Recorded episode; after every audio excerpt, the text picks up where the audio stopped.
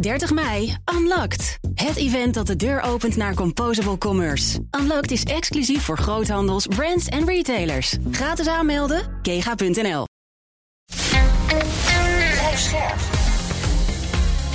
BNR Nieuwsradio. BNR Beurs. Edwin Mooibroek. Welkom, goed dat je luistert naar de vrijdageditie van BNR Beurs. Nou, het cijferseizoen dendert met een sneltreinvaart voort. De meest interessante cijfers van de week bespreken we zo meteen. En onze belegger beantwoordt de luisteraarsvraag die een van jullie in heeft gestuurd. Wil je dat we ook jouw vraag gaan beantwoorden? Stuur hem dan het liefst in audiovorm naar bnrbeurs.bnr.nl. En deze keer eh, wordt je vraag beantwoord door onze gast Errol Keiner van de Vereniging van Effectenbezitters. Welkom. Dank u wel. En straks hebben we het over de koersval van Shell en Unilever. Een van de twee werd ontvangen met applaus, maar nu eerst de actuele cijfers. Laten we het hebben over uh, Heijmans. Gemixte kwartaalcijfers bij uh, bouwbedrijf uh, Heijmans. In de vastgoeddivisie daalde de omzet met een derde naar 200 miljoen euro.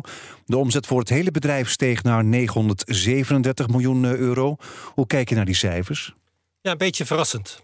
Je kijkt naar, uh, naar Heijmans als een bedrijf dat juist de focus heeft gelegd op woningen. Het bouwen van veel meer woningen. Maar dat is heel erg ingewikkeld op dit moment. Uh, dat blijkt. En uh, juist die strategiewissel die ze hebben gedaan en die strategiewijziging, die, die ligt echt voor de hand. Want Heijmans is niet het enige bouwbedrijf dat in het verleden heel veel blauwe plek heeft opgelopen bij de grote infrastructurele projecten. Waar ze achteraf heel veel problemen mee hadden om die op tijd af te leveren. En die bleken zo duurder te zijn.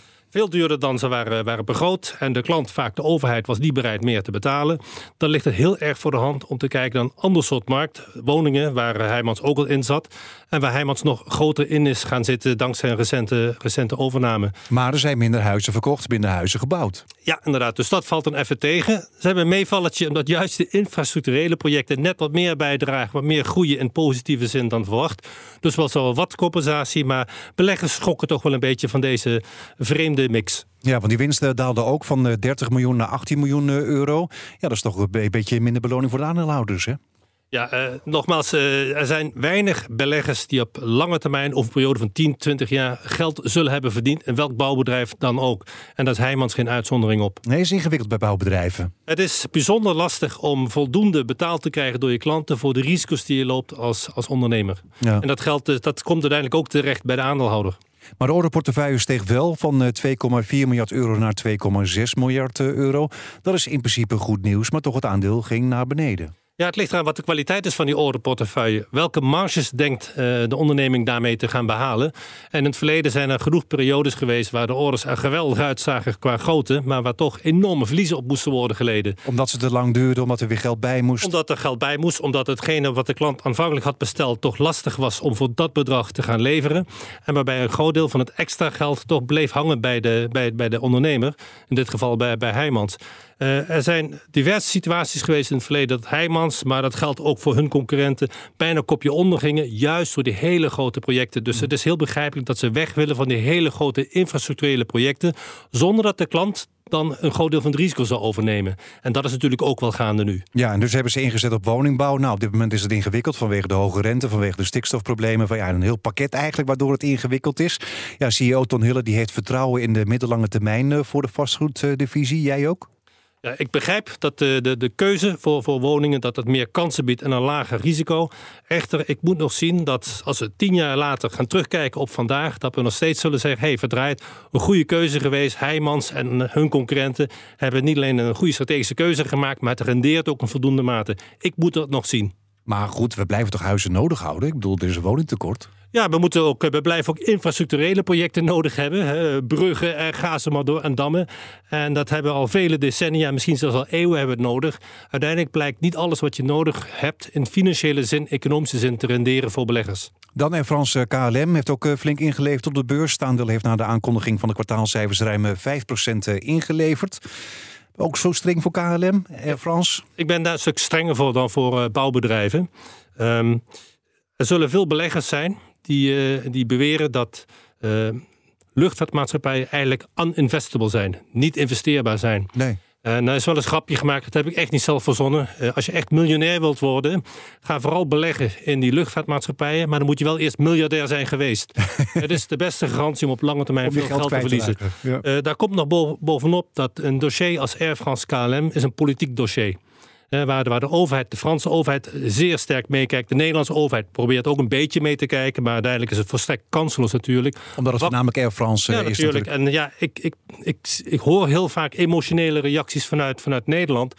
KLM is jaren geleden overgenomen door Air France en houdt het gewoon op. Het is gewoon Air France, KLM. Air France staat als eerste. Zij zijn de baas. En wij willen toch nog een klein beetje dat KLM ook overeind houden. Ja, nou ja, goed. Die emotie is volgens mij misplaatst. Uh, daar komt er bovenop, uh, als we echt duurzaamheid serieus zouden willen nemen, en veel mensen willen dat, ja, is, het, uh, is het zo erg van belang om, om luchtvaartmaatschappijen te stimuleren en dergelijke. daar kun je veel twijfels over hebben. Belangrijk is voor beleggers, is het zinvol om stevig te gaan beleggen in een onderneming als Air France, KLM of een van de concurrenten. Ja, je kunt er beter weg van blijven als je voor de lange termijn gaat. Want waarom, waarom dan? Ik bedoel, we, willen heel veel vliegen. Ik bedoel, dat ze zeggen, Air France, KLM zeggen dat nu ook. Ik bedoel, de ticketprijs is hoog, de vliegtuigen vliegtuigen zitten weer voller. Ja, KLM heeft het natuurlijk iets minder gedaan... omdat ze zelf ook uh, met toestelproblemen zaten... en met onderhoud en met te weinig personeel. Maar in principe, mensen willen vliegen. Ja, mensen willen vliegen. Uh, aandeelhouders willen geld verdienen op de lange termijn. De, de koers van de meeste luchtvaartmaatschappijen, als je kijkt over een periode van 10, 20 of 30 jaar of 5 jaar, geeft gewoon aan van het is gewoon niet interessant om zomaar in een luchtvaartmaatschappij te investeren. En de koers van Air France KLM geeft dat aan. Ja, het groepsresultaat eh, bedroeg een, uh, bedraagt een netto winst van 600 miljoen euro. Ja, het vorige kwartaal was uh, eh, 300 miljoen euro verlies. Dan hebben ze het toch helemaal niet zo slecht gedaan. Ze hebben het geweldig gedaan vergeleken met 300, euro, 300 miljoen euro verlies. Misschien maken ze volgend kwartaal een miljard winst. En over twee jaar maken ze 4 miljard verlies. Ja, dat is een beetje het, het cyclische karakter van, van de luchtvaartindustrie. Ja. Het is gewoon bijzonder, bijzonder moeilijk om daar structureel geld te blijven verdienen. Het is kapitaalintensief, dus je hebt veel vliegtuigen nodig waar veel geld in gaat zitten. En je hebt ontzettend ontzettend veel mensen nodig. En een deel van die mensen is nog bijzonder duur ook nog. En sterk verenigd in vakbonden.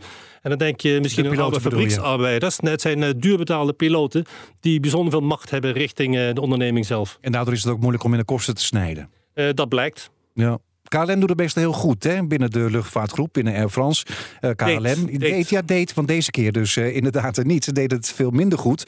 De omzet steeg naar 3,1 miljard euro, maar het bedrijfsresultaat daalde met een paar miljoen naar 257 miljoen euro. Waarom loopt KLM nu ineens achter, terwijl ze eigenlijk eerst toch een beetje de trekker waren van die groep? Ja, het, het zal met Schiphol te maken, te maken hebben gehad met eerder problemen uh, bij, met, met overkap, met te weinig capaciteit bij Schiphol zelf. Dat is vooral een Air France KLM zelf om dat te bepalen. Maar eerlijk gezegd vind ik het niet zo relevant om over een dochter van Air France KLM zo specifiek in te zoomen. Als totaal de onderneming of een flink aantal jaren gezien rendeert onvoldoende voor aandeelhouders. Dus wees voorzichtig alvorens je daar veel geld in steekt. Niet interessant om op KLM in, in, in te zoomen. Het is toch onze nationale trots. Ja, nou ja, ik spreek namens de VEB, dat is voor beleggers, voor aandeelhouders. Ja, het aandeel is Air France KLM en daar is KLM een dochtermaatschappij in. Ja, nou de groep moet ook nog eh, een flinke coronaschuld eh, aflossen. KLM heeft het al gedaan. Air France eh, moet dat nog doen. Vallen beleggers daar nog over? Speelt het nog mee? Uh, het ligt aan wat voor soort belegger je bent. Ben je de belegger de Franse staat of de Nederlandse staat, zit je er misschien anders in. Als dat je een kort ritje maakt, goedkoop kopen en proberen over twee weken voor een paar centen meer te verkopen. Maar nogmaals, voor de lange termijn, het maakt allemaal geen bal uit. Het is voor de lange termijn altijd heel lastig om deze belegging winstgevend af te sluiten. Oké, we gaan even naar België vliegen. BNR Beurs. De luisteraarsvraag. Ja, de luisteraarsvraag. Economie-redacteur eh, Sam van Zuilen. Je hebt even gekeken. Welke vraag is naar boven gekomen? Jazeker. Ik heb een vraag van uh, Kevin uit België. Het is heel erg leuk sowieso dat daar ook geluisterd wordt naar BNR Beurs. Uh, hij belegt dus in 10 van de 11 sectoren. Alles behalve de energiesector. Uh, en hij vraagt zich af, hoe bepaal je als particulier je sectorallocatie? Is het goed om alles gelijk te verdelen? Dat wilt hij eigenlijk van jou weten, Errol. Als je, ik geef allereerst geen individueel advies. Dus wat deze meneer doet, uh, moet hij vooral zelf weten en zelf adviseur zoeken. Dus dat gezegd hebbende. okay. Van de andere kant, als iemand al in 10 van de 11 sectoren belegt, dan ben je al redelijk gespreid. Het feit dat deze belegger gespreid belegt, is al verstandig. In verband met ja, risico's mitigeren. Je weet nooit precies welke sector goed gaat draaien, welke, welke wat minder. Of je dan energie meeneemt of niet, daar verschillende de meningen over. Ik persoonlijk zit wel in de fossiele, fossiele energie, uh, niet in Shell, want dan mag ik niet in beleggen als, als VEB'er. Maar ik zit dus wel een aantal buitenlandse concurrenten van, van Shell. Maar ik heb net zoveel collega's die dat weigeren om dat te doen. Omdat ze zeggen van dat verdienmodel van de energiemaatschappijen, van de grote olie- en gasmaatschappijen, dat is eindig. Dat duurt misschien nog een paar jaar. Waarom doe jij het wel dan? Omdat ik een stuk minder pessimistisch ben vanuit de, de olie- en gasmaatschappijen gezien. En ik vermoed dat uh, ondernemingen zoals Shell, maar dat geldt ook voor BP en Total, uh, dat zij op zijn minst zeer rendabel kunnen zijn in een soort sterfhuisconstructie. Dat wil zeggen, als ze niet willen gaan vernieuwen of kunnen gaan vernieuwen richting groene energie, en daar kun je heel veel discussies over hebben, uh, maar als zij niet daartoe in staat zijn, op zijn minst zijn ze daartoe in staat om in de komende 15 of 15 jaar ervoor te zorgen dat de beschikbare olie en gas tegen hoge prijzen kunnen worden verkocht uiteindelijk aan hun klanten. En op die manier kunnen ze ervoor zorgen dat zij voor hun huidige beleggers zeer rendabel zijn. Ja, zijn die ethische overwegingen dan ook de reden om niet lukra lukraak in trekkers of zo te beleggen? Want dan heb je ook goede spreiding. Ja, dat ligt aan de belegger. Sommige beleggers zeggen: ik wil principieel niet in wapens of in olie en gas uh, investeren. Nou, daar zijn trackers voor. Dat is aan iedere belegger individueel om dat te beoordelen. De hele week lieten we analisten zelf een aandeel meenemen in onze zomerserie. We hebben het gehad over zonnebrillen en lithiummijnen. En Errol heeft ook iets spannends meegenomen. Je hoort het zo meteen, maar eerst gaan we naar de beursweek. Het was weer een beursweek met pieken en dalen. De FED en de ECB die hebben de rente weer verhoogd, allebei met een kwartje. UMG steeg met 10% vanwege de muziek van Taylor Swift, maar moet vandaag weer 4% inleveren. Speelgoedmaker Mattel moest de eerste Barbie-resultaten op de beurs gaan verwerken. En de chipsector trok de AX hard omhoog door cijfers van ASMI, ASML en BC. Het Kiefiet heeft de Giro op de vingers getikt... omdat zij klanten bedrogen over hoe de beleggingsorde uit werden gevoerd. En dan gaan we het ook nog hebben over de kwartaalcijfers deze week. Ja, Errol, laten we eerst nog maar even kijken naar de Giro. Een klant was naar de Kiefiet gestapt, want hij kwam erachter... dat als hij een opdracht gaf, dan werd het niet zoals hij dacht... door Euronext uitgevoerd. Maar dan ging het via Morgan Stanley? Ja, heel, heel verrassend en ook bijzonder pijnlijk voor, voor de Giro. Um, Kijk, als klant mag je verwachten dat als je een provisie betaalt aan je broker, in dit geval de Giro, dat die broker datgene doet wat is afgesproken. In dit geval zou het betekenen dat die order wordt aangeboden op Euronext en daar tegen de best mogelijke prijs wordt afgewikkeld. En Want dat, dat zegt niet Giro omdat het zo zou gaan gebeuren. Dat, is, dat, dat heeft de Giro niet alleen gezegd, dat stond geschreven. Ja, dus deze man die is drie jaar lang mee bezig geweest. Hij heeft een schadevergoeding gekregen, ruim 30.000 euro. Um, maar goed, hij is waarschijnlijk niet de enige belegger. Nee, uh, je kunt je voorstellen dat wij als VEB uh, die vraag ook gaan stellen aan, aan de Giro. Dus we zullen een brief op hoge poten krijgen van de VEB. En in die brief staan twee kernpunten gemeld. Allereerst, het eerste kernpunt, ook als consument... Uh, je koopt iets, maar je krijgt niet datgene wat je dacht te gaan, dacht te hebben gekocht. Mm -hmm. Namelijk de aankoop was van ik wil iets bestellen via Euronext. Maar het is niet via Euronext gegaan, het is via Morgan Stanley gegaan. Dus daar kun je over discussiëren. Ik heb betaald voor iets, maar niet datgene gekregen. In ieder geval niet via het platform wat, ik, uh, wat mij is voorgespiegeld. Wat sowieso al fout is natuurlijk. Dat is, dat is sowieso fout. Dus we zijn benieuwd ja, hoe de, de Giro dat ziet. En nummer twee, kan de Giro garanderen dat voor iedere order die dus niet bij Euronext is terechtgekomen, maar bij Morgan Stanley, dat iedere order niet een slechtere koers heeft gekregen voor hun klant dan bij Euronext. En we zijn ja. bijzonder benieuwd hoe de Giro die vraag gaat beantwoorden. Kunnen ze daar nog achter komen? Dat is, dat is aan hen, maar wij zullen niet voor die vraag stellen. Ik denk dat het bijzonder uitdagend gaat zijn. Want het is al één ding dat je iets anders doet dan wat je hebt afgesproken met je klant. Namelijk uh, het plaatsen van een order bij, bij Euronext. En het is aan Euronext ervoor te zorgen dat dat tegen een goede koers gebeurt.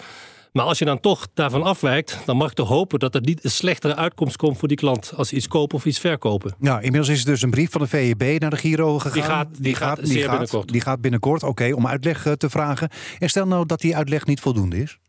Uh, nou ja, wij hebben als VEB toch wel een track record dat als, uh, als, een, uh, als een beursvennootschap of een provider, een, een, een dienstverlener aan, aan beleggers, uh, geen goede uh, zaken doet of misleidende zaken doet, uh, dat wij ook eventueel juridische stappen niet, niet, niet uitsluiten. Maar zover is het nu, zover is het nu niet. We, maar het zou kunnen naar de rechter. Dat zou kunnen. Mocht de Giro zeggen van, nou ja, wij geven geen antwoord, je zoekt het maar uit. Of wij vinden dat we netjes zijn, die klanten zoeken het maar uit. Nou, dan kun je ervan uitgaan dat de VEB de kant kiest van de beleggers en de klanten van de, van de Giro. Ja, en dan kan je dan als VEB dan ook een schadevergoeding gaan eisen voor al die klanten? Zover zijn we nog lang niet. Eerst weten wat de feiten zijn. Ik wil graag de Giro uh, de, de, reactie laten geven. En op basis van die reactie gaan wij kijken van... is dit afdoende of kunnen wij verdere stappen nemen als VEB? Of moet er eventueel nog een de schadevergoeding plaatsvinden... naar de klanten uh, van, van de Giro toe? Zover zijn we echter nog niet. Nee, waarom zou de Giro dit steeds doen? Want ik zeg steeds, want ze zijn natuurlijk in het verleden... Uh, ja, ook al een keer in opspraak geweest. Ja. De AFM wilde ook al ingrijpen. Ja, dat klopt. Ja, je zou bijna zeggen, uh, misschien eigenbelang. ik weet niet, het zal niet alleen maar vergissingen zijn, neem ik aan, maar dat is een aanname. Misschien zegt de Giro, het is echt een vergissing geweest. En uiteindelijk die vergissing heeft ons als de Giro heel veel geld gekost. En het heeft heel veel voordeel opgeleverd voor de klanten. Misschien geven ze dat als antwoord. Dan is onze afdruk een andere dan dat ze zeggen van ja, jeetje mina, dat hadden we anders moeten doen. Maar het was wel heel lucratief voor onszelf. Nou, dan heb je een heel ander soort discussie. Dan Meta, het bedrijf boven Facebook, Instagram en WhatsApp. De kwartaalomzet kwam uit op 32 miljard dollar. Hoe reageerde de koers? Positief, zeer positief. En ik was zelf ook erg verrast. Ik zit zelf niet in Meta trouwens. Met name waren, beleggers verrast dat de advertentieopbrengsten toch nog een stuk hoger waren dan, dan men had gevreesd. Um, er waren twee zaken waren al, al gaande. Het eerste was dat de Mark Zuckerberg, de, de, de baas van, van Facebook Meta, dat hij uh, gedwongen door de markt al tot inkeer was gekomen en dacht van ik moet toch ook iets gaan doen aan kostenreductie. Mm -hmm. Dus niet alleen maar iedere maand duizenden mensen aannemen en uh, miljarden uh, uit het raam gooien. Nou, er zijn heel veel mensen uitgegaan bij Facebook. Er zijn heel veel mensen Meta, uitgegaan en ja. er gaat misschien nog heel veel meer komen. Dus kostreductie, daar zijn beleggers blij mee. Waar beleggers niet blij mee zijn, zijn de pie in the sky initiatieven, namelijk de hele metaverse. De hele metaverse, wordt, prima dat miljarden wordt er ingestopt. Ja, het is prima om een paar honderd miljoen, misschien een miljard, misschien 2 of 3 miljard per jaar uh, te experimenteren. Een beetje te voelen waar misschien kansen liggen. Maar het zijn gigantische bedragen die uh, Mark Zuckerberg met Meta in het metaverse wil, wil investeren. En beleggers zeggen, ga eerst maar wat dingetjes testen. En als het uh, goede uitkomsten zijn, ga dan groot inzetten. Want dit lijkt meer om een soort hobbyisme. Ja, maar goed, best goede cijfers. ze komen weer een beetje terug. De koers is ook flink gestegen. Ja, ze draaien nog veel op advertentieinkomsten. Hoe lang houden ze dat vol? Uh, ja, blijkbaar zolang mensen hun platforms blijven gebruiken, houden ze het vol.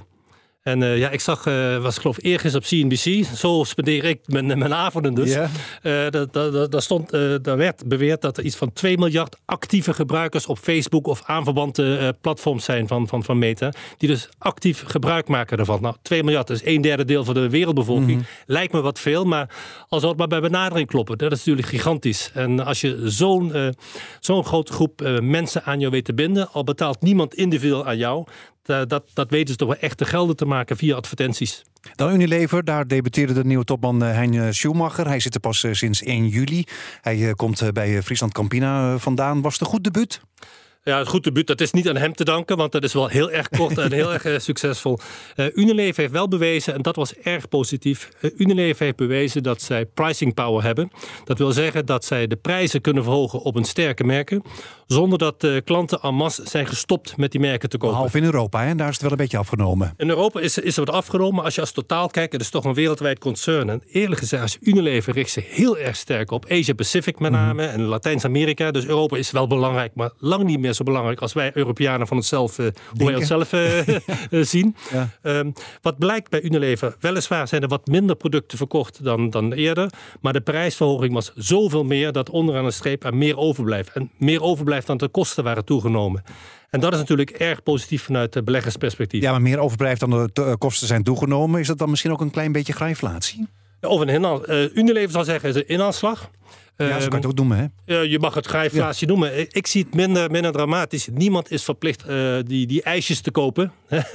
Niemand is verplicht bepaald wasmiddel te kopen. Er zijn genoeg concurrerende wasmiddelen of ijsjes... en die vaak nog veel goedkoper zijn. Dus wat harder gaat, niemand is verplicht om die dure dingen te kopen. Oké, okay, dan nog even Shell tegenvallen daar. De winst halveerde van 11,5 miljard naar 5,5 miljard dollar. Maar ja, vorige keer was het ook wel record, hè? Klopt. Het volgt gewoon de, de olie- en de gasprijs. Ja, en zoals beloofd tijdens de beleggersdag in juni verhoogt ook Shell het kwartaaldividend met uh, 15% Ze gaan ook eigen aandelen inkopen ter waarde van uh, 3 miljard euro voor de komende drie maanden. Maar beleggers zijn desondanks toch negatief. Uh, misschien hadden ze iets wat meer verwacht, nog meer verwacht. Maar je, je, je ziet wel dat Shell met de nieuwe bestuurder alles aan doet om meer te gaan lijken op ExxonMobil en, en Chevron, de Amerikaanse concurrenten. Toch weer meer inzetten op olie en gas. Ja, en, en, wat minder de duurzaamheidsroute kiezen.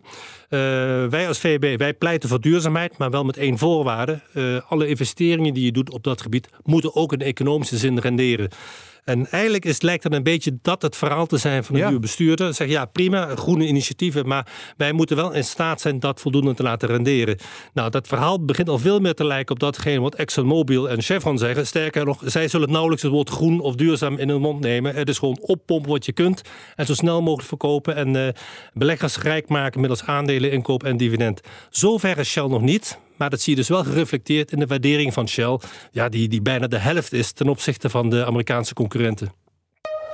BNR Beurs. De zomerserie was deze week eh, één waarbij in feite de analisten centraal stond. We lieten onze gasten zelf iets meenemen. En als je het hebt gemist, dat klonk zo. Carrio Global, dat is een Amerikaans bedrijf.